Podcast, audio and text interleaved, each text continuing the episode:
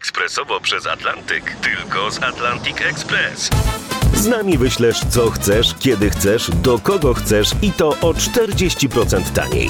W Atlantic Express wysyłamy wszystko, co chcesz. 1 800 775 7363. Mienie przesiedleńcze, kontenery, paczki do Europy. Atlantic Express to 30 lat doświadczenia i o 40% niższe ceny na wysyłki kontenerów, samochodów i paczek. Ekspresowo przez Atlantyk tylko z Atlantic Express.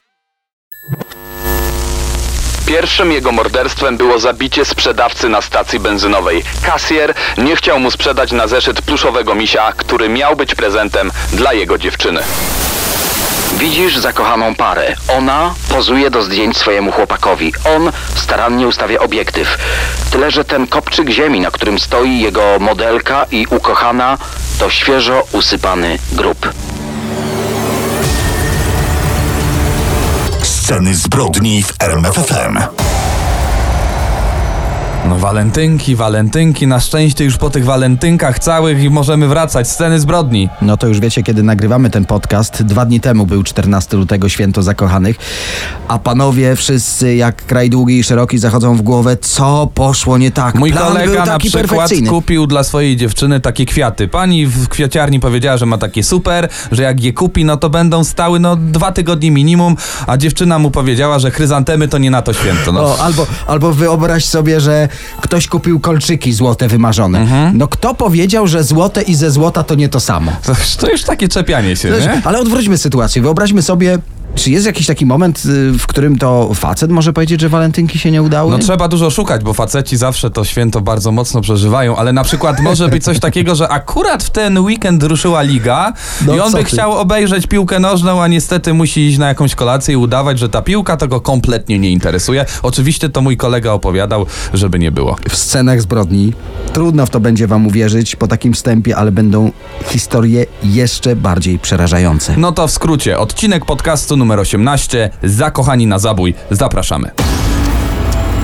Daniel Dyk i Kamil Barnowski prezentują Sceny zbrodni w RMFFM.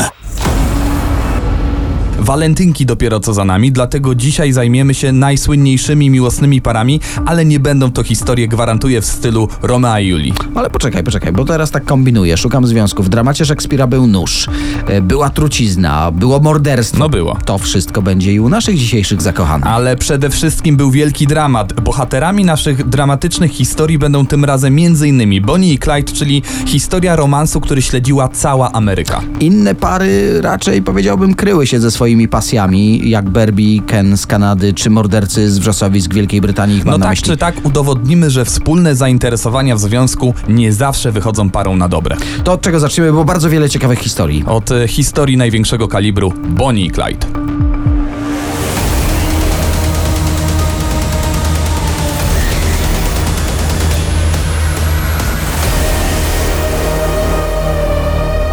No to rozpoczynamy od tej absolutnie najsłynniejszej pary przestępców na świecie. Chyba wszyscy kojarzymy film Bonnie Clyde. Ostatnio znów jest o nich głośno za sprawą serialu na jednej z platform The Highwaymen. I te wszystkie produkcje tylko wzmocniły ich legendę takich romantycznych morderców. Ale legendę oddzielamy zawsze w naszym programie od faktów.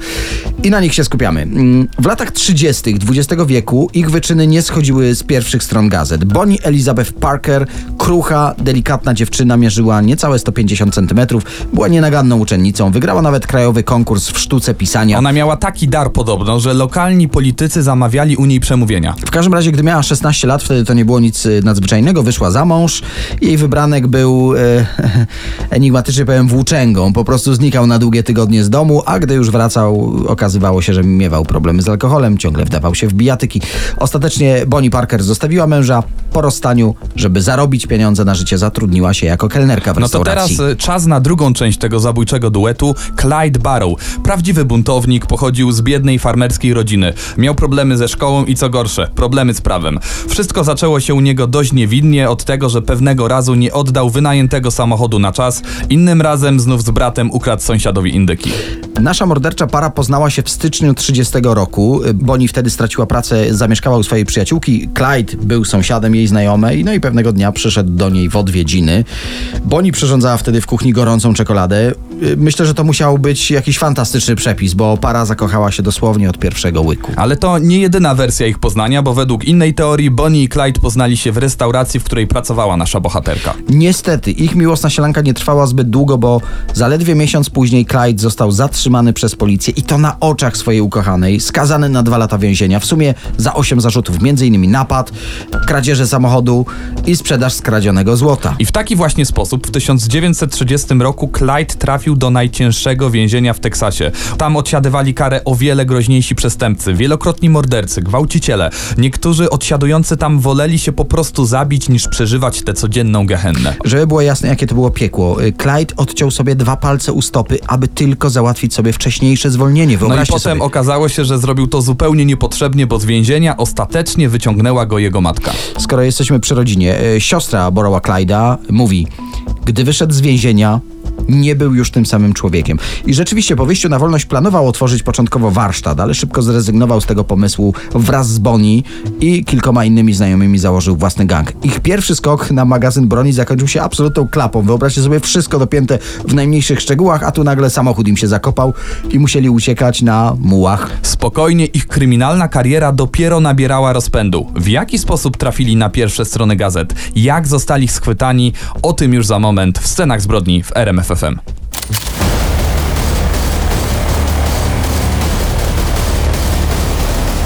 Ciąg dalszy za chwilę.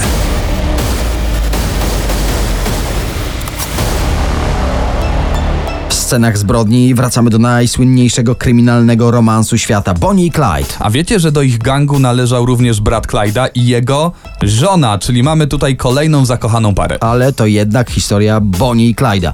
Ich gang początkowo zajmował się jedynie drobnymi przestępstwami, później napadali na stacje benzynowe, na sklepy. Gdy jedno bądź drugie z zakochanych trafiało do aresztu, wtedy pisali do siebie pełne namiętności listy, czy nawet wiersze są do odnalezienia w internecie. Ich legenda tak naprawdę narodziła się w 1933 roku, gdy musieli uciekać ze swojej kryjówki po takim policyjnym nalocie.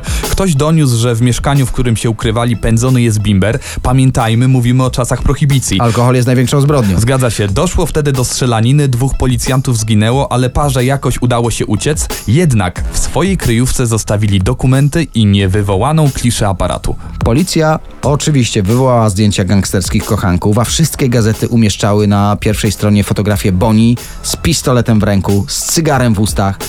No, stali się wtedy prawdziwymi celebrytami. Wracając do Clyda, on wiedział, że policja już mocno depcze im po piętach, dlatego chciał zrealizować swoją najważniejszą misję. Napad na więzienie, w którym odsiadywał dwuletni wyrok. No właśnie, to najprawdopodobniej nie chęć zdobycia gigantycznych pieniędzy czy też sławy kierowała Clyde'em do napadów, a chęć zemsty na systemie sprawiedliwości, który jego zdaniem bardzo go skrzywdził. I w trakcie tego napadu udało mu się uwolnić pięciu więźniów, a jeden ze strażników został zabity przez uciekinierów. I za ten skok Bonnie i Clyde nie byli już zwykłymi poszukiwanymi. Wydano na nich po prostu wyrok śmierci. Do misji złapania najsłynniejszych przestępców w Ameryce wyznaczono prawdziwą legendę emerytowanego teksańskiego strażnika Franka Hammera. Poszukiwania Bonnie i Clyda zakończyły się 23 maja 1934 roku. Pędzący Ford V8 z nimi na pokładzie wpada w policyjną zasadzkę. No jaka zasadzka, to była wręcz egzekucja. Funkcjonariusze pod dowództwem szeryfa Hammera wystrzelili w kierunku jadącego samochodu ponad 50 kul. Oczywiście nie mieli szans, y, kochankowie zginęli na miejscu. No ale można sobie zadać pytanie, skąd ta gigantyczna legenda? Ja rozumiem, zakochani, którzy walczą z całym światem, ale podobnych historii w Stanach Zjednoczonych mogło być więcej. Pamiętajmy, że lata 30. to czas największej przestępczości w USA. Wielki krach na Wall Street, gigantyczna bieda. Prawdopodobnie przez to zyskali sympatię u zwykłych ludzi. Tak naprawdę wbrew powszechnemu mitowi Bonnie i Clyde nie napadali na banki, tylko na stacje benzynowe albo na duże sklepy. Ich gang zamordował w sumie 14 osób, ale jeśli już mordował, to pojawiają się różne informacje, że zabijali głównie w samoobronie albo podczas ucieczki z miejsca przestępstwa. Jeśli uprowadzali jakichś ludzi, to potem ich wypuszczali, dawali pieniądze na bilet, żeby mogli spokojnie wrócić do domu. No ale ile w tym prawdy, bo trochę to wszystko wygląda na taką amerykańską wersję Janosika. To chyba rozważania już nie na nasz program. Bonnie i Clyde nie zostali pochowani razem. Matka Bonnie przewiozła ciało swojej córki na inny cmentarz. Dodajmy, że na pogrzeby kochanków przyszło do, dosłownie pół Dallas, kilkadziesiąt tysięcy ludzi. Najlepszym podsumowaniem tej historii jest napis na grobie Clyda Barrowa, który sam sobie wcześniej wybrał. Gone, but not forgotten. Odszedł, ale nie został zapomniany.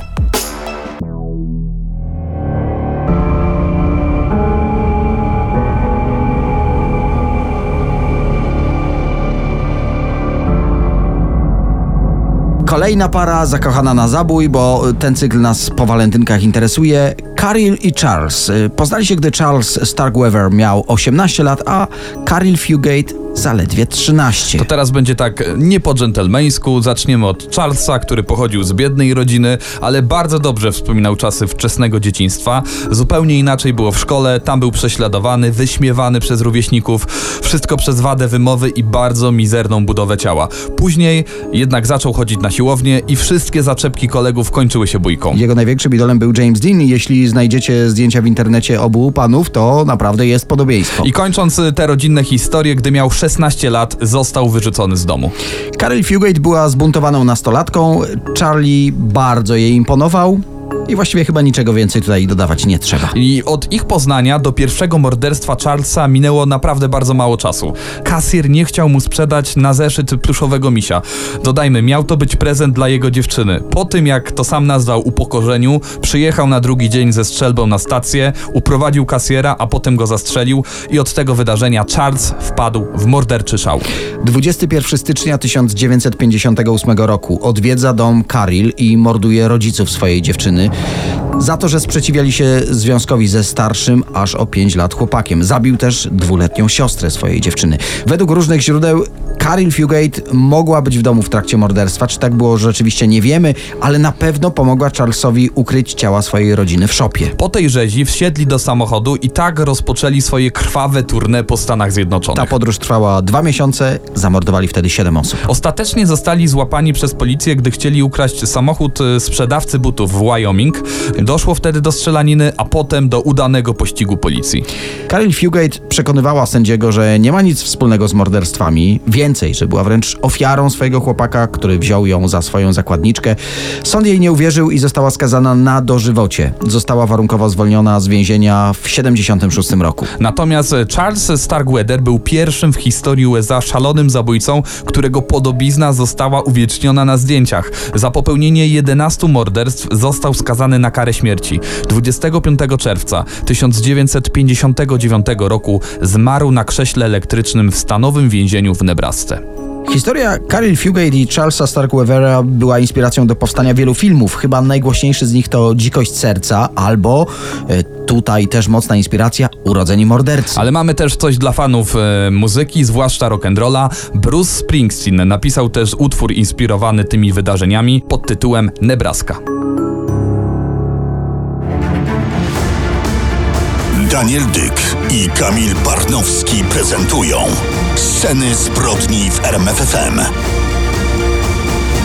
Teraz Barbie i Ken z Kanady to tak naprawdę Karla Homolka i Paul Bernardo. Jeśli miałbym w tej parze wskazać mniejsze zło, no to wskazałbym na Karlę. No to w takim razie rozpoczynamy od większego zła. Paul urodził się w 1964 roku na terenie dzisiejszych przedmieść Toronto. Patologiczna rodzina. Jego ojciec był oskarżony o pedofilię. Z kolei matka często wyzywała Paula od Benkarta, twierdząc, że jest owocem przelotnego romansu z innym mężczyzną. I to właśnie przez poniżanie ze strony mamy podobno znienawidził kobiety. Nie potrafił ich kochać, służyły mu wyłącznie jako obiekt seksualny. ale one kochały się w nim. Był przystojnym blondynem. I jego urokowi nie mogła oprzeć się również 17-letnia Karla Homolka, którą poderwał w barze w Toronto. To był 87 rok. Kwiaty, romantyczne randki z kolacjami. No walentynki co wieczór. Przystojny, czarujący, miły chłopak. który prowadzi podwójne życie. Podkreślmy to. Tego samego roku w rodzinnym miasteczku Pola zaczął grasować seryjny gwałciciel. Wybierał nastolatki w autobusie, szedł za tymi, które wysiadały na przystankach na odludnych miejscach. Jak się domyślacie, romantyczny Pol i gwałciciel nastolatek to ta sama osoba. To trwało latami. Gdy już totalnie podporządkował sobie Karlę i przeprowadził się do domu jej rodziców, nakłonił swoją narzeczoną, by w cudzysłowie mm, załatwiła mu dziewicę. Jest czerwiec 1990 roku. Karla zaprasza do siebie 15-letnią koleżankę z pracy. Podaje jej drinka zaprawionego środkiem usypiającym. Wtedy niestety do akcji wkracza Paul, a Karla chętnie mu w tym wszystkim towarzyszy. Po tej akcji Paul domaga się kolejnej ofiary. Chce, by to była, wyobraźcie sobie, młodsza siostra jego narzeczonej, Tami. Schemat jest ten sam, tyle że zamiast drinka spaghetti, jednak środka uspokajającego było za mało i Tami cuci się zbyt wcześnie. Ale para się tym nie zraża. Kolejna próba, tym razem Wigilię Bożego Narodzenia. Gdy rodzice dziewczyny po świątecznej kolacji poszli spać, wtedy Karla podaje siostrze znów usypiającego drinka, włącza kamerę i Paul może działać. By tato i mama niczego nie usłyszeli, są przecież w sypialni piętro wyżej. Karla na wszelki wypadek trzyma przy ustach siostry szmatkę nasączoną środkiem usypiającym. Dziewczynka od nadmiaru specyfiku dusi się, wzywają pogotowie, ale nastolatka umiera w szpitalu.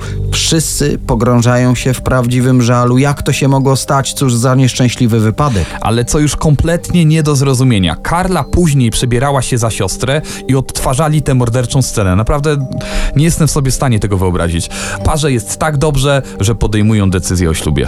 Miesiąc później prawdopodobnie ym, wykorzystują i mordują kolejną dziewczynę. Tej zbrodni nie udało im się udowodnić, ale kolejną zbrodnię już tak. Zbliża się data ślubu. Paul robi z tej okazji prezent żonie, porywa kolejną nastolatkę. Przez wiele dni oboje się nad nią znęcają, a dokładnie tydzień przed ślubem mordują ją. Ciało ćwiartują, zalewają szczątki betonem i topią w pobliskim jeziorze. Gdy trwa miodowy miesiąc szczęśliwej pary, dwójka wędkarzy odkrywa zatopiony beton z porażającą zawartością.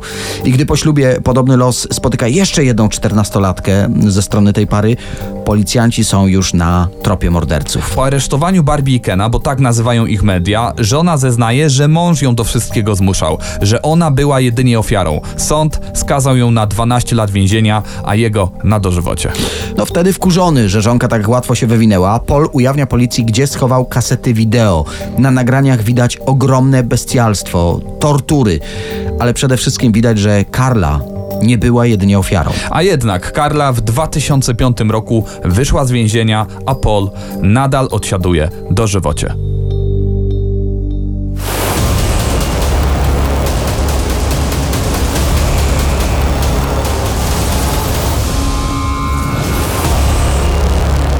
Kolejna zakochana para, tym razem Richard Leb i Nathan Leopold. Mają w życiu wszystko. Bogate rodziny zapewniają im, powiedziałbym przebogate rodziny zapewniają im dostatnie życie bez trosk, solidne prawnicze wykształcenie. Nathan właśnie szykuje się do studiów na Harvardzie. Jako syn potentata w branży tekstylnej z Chicago naprawdę nie wie, co to bieda.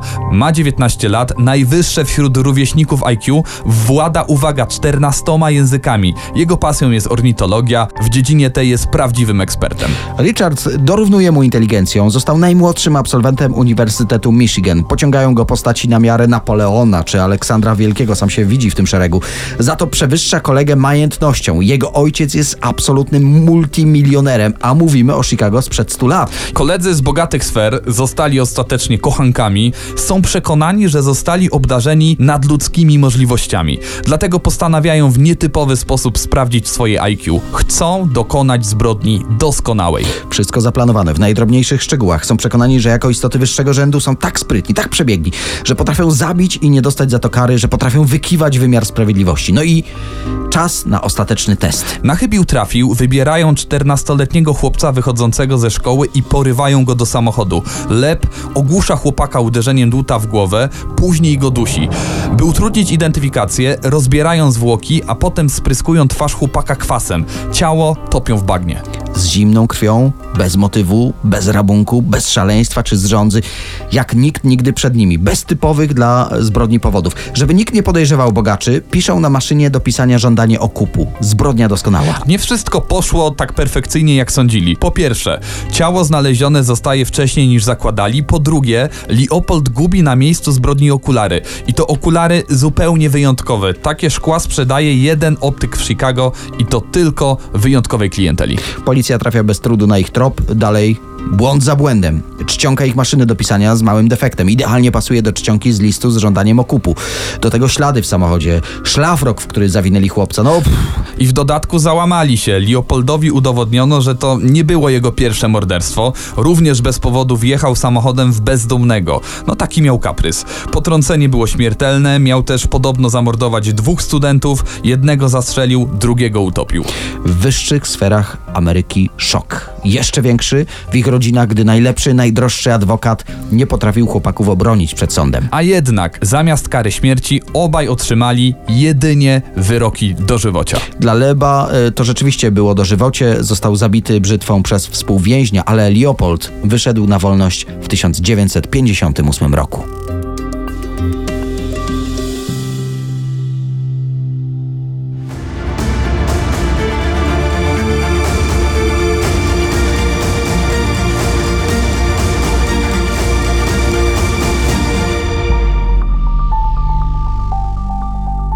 Sceny zbrodni w RMFFM. Wejdź do mrocznego świata przestępców. Ian Brady i Mira Hindley, znani szerzej jako mordercy z wrzosowisk, najbardziej bulwersujące zbrodnie na Wyspach Brytyjskich lat 60. Zamordowali pięcioro dzieci w wieku od 10 do 17 lat. Wyobraźmy sobie taką sielankową scenę. Mm, Spacerujesz po wrzosowiskach w okolicach Manchesteru i widzisz zakochaną parę. Ona, lat 21, blondynka, to właśnie Mira, pozuje do zdjęć swojemu chłopakowi. On 25 lat, starannie ustawia obiektyw, romantyczny fotograf Ian. Poznali się w fabryce chemicznej w Gorton, ich związek kwitł, no po prostu sielanka. Tyle, że ten kopczyk z ziemi, na którym stoi jego modelka i ukochana, to świeżo usypany grób. W nim ciało 12-letniego chłopca, którego bili, wykorzystywali, a w końcu udusili sznurówką. To zdjęcie z 23 listopada 1963 roku było jednym z kluczowych dowodów w tej sprawie. Sprawie, która ciągnęła się latami. No tak, początkowo był to proces w sprawie trzech zabójstw. Dopiero po latach Ian Brady przyznał się do zamordowania jeszcze dwójki dzieci. Pierwszą ofiarą była 16-letnia Paulina, ich sąsiadka. Mira zwabiła ją do auta. Jeśli pomoże odnaleźć rękawiczkę zagubioną, to podaruje dziewczynie płyty gramofonowe. Ta wsiada do auta, Brady pojechał za nimi motocyklem. Na wrzosowiskach wykorzystał dziewczynę, poderżnął jej gardło, ciało zakopali. Następna ofiara, 12-letni John, jego podwieźli samochodem, żeby, jak to zacytuję, rodzice się nie martwili. To właśnie na jego grobie robili sobie to zdjęcie. W ciągu roku zamordowali kolejnego 12-latka Kifa i 10-letnią Leslie. Tyle, że Leslie nie od razu trafiła na wrzosowisko, ją przetrzymywali u siebie w domu, para robiła jej nagie zdjęcia. Z zeznań wynika, że dziewczynkę tym razem zamordowała jedwabnym paskiem Mira, no, żeby zobaczyć jak to jest. Ostatnia ofiara, 17-letni Edward, jego poznają w barze, zaproponowali mu drinka i powiedzieli, że kolejnego wypiją u nich. Brady uderzył go wtedy toporem w głowę.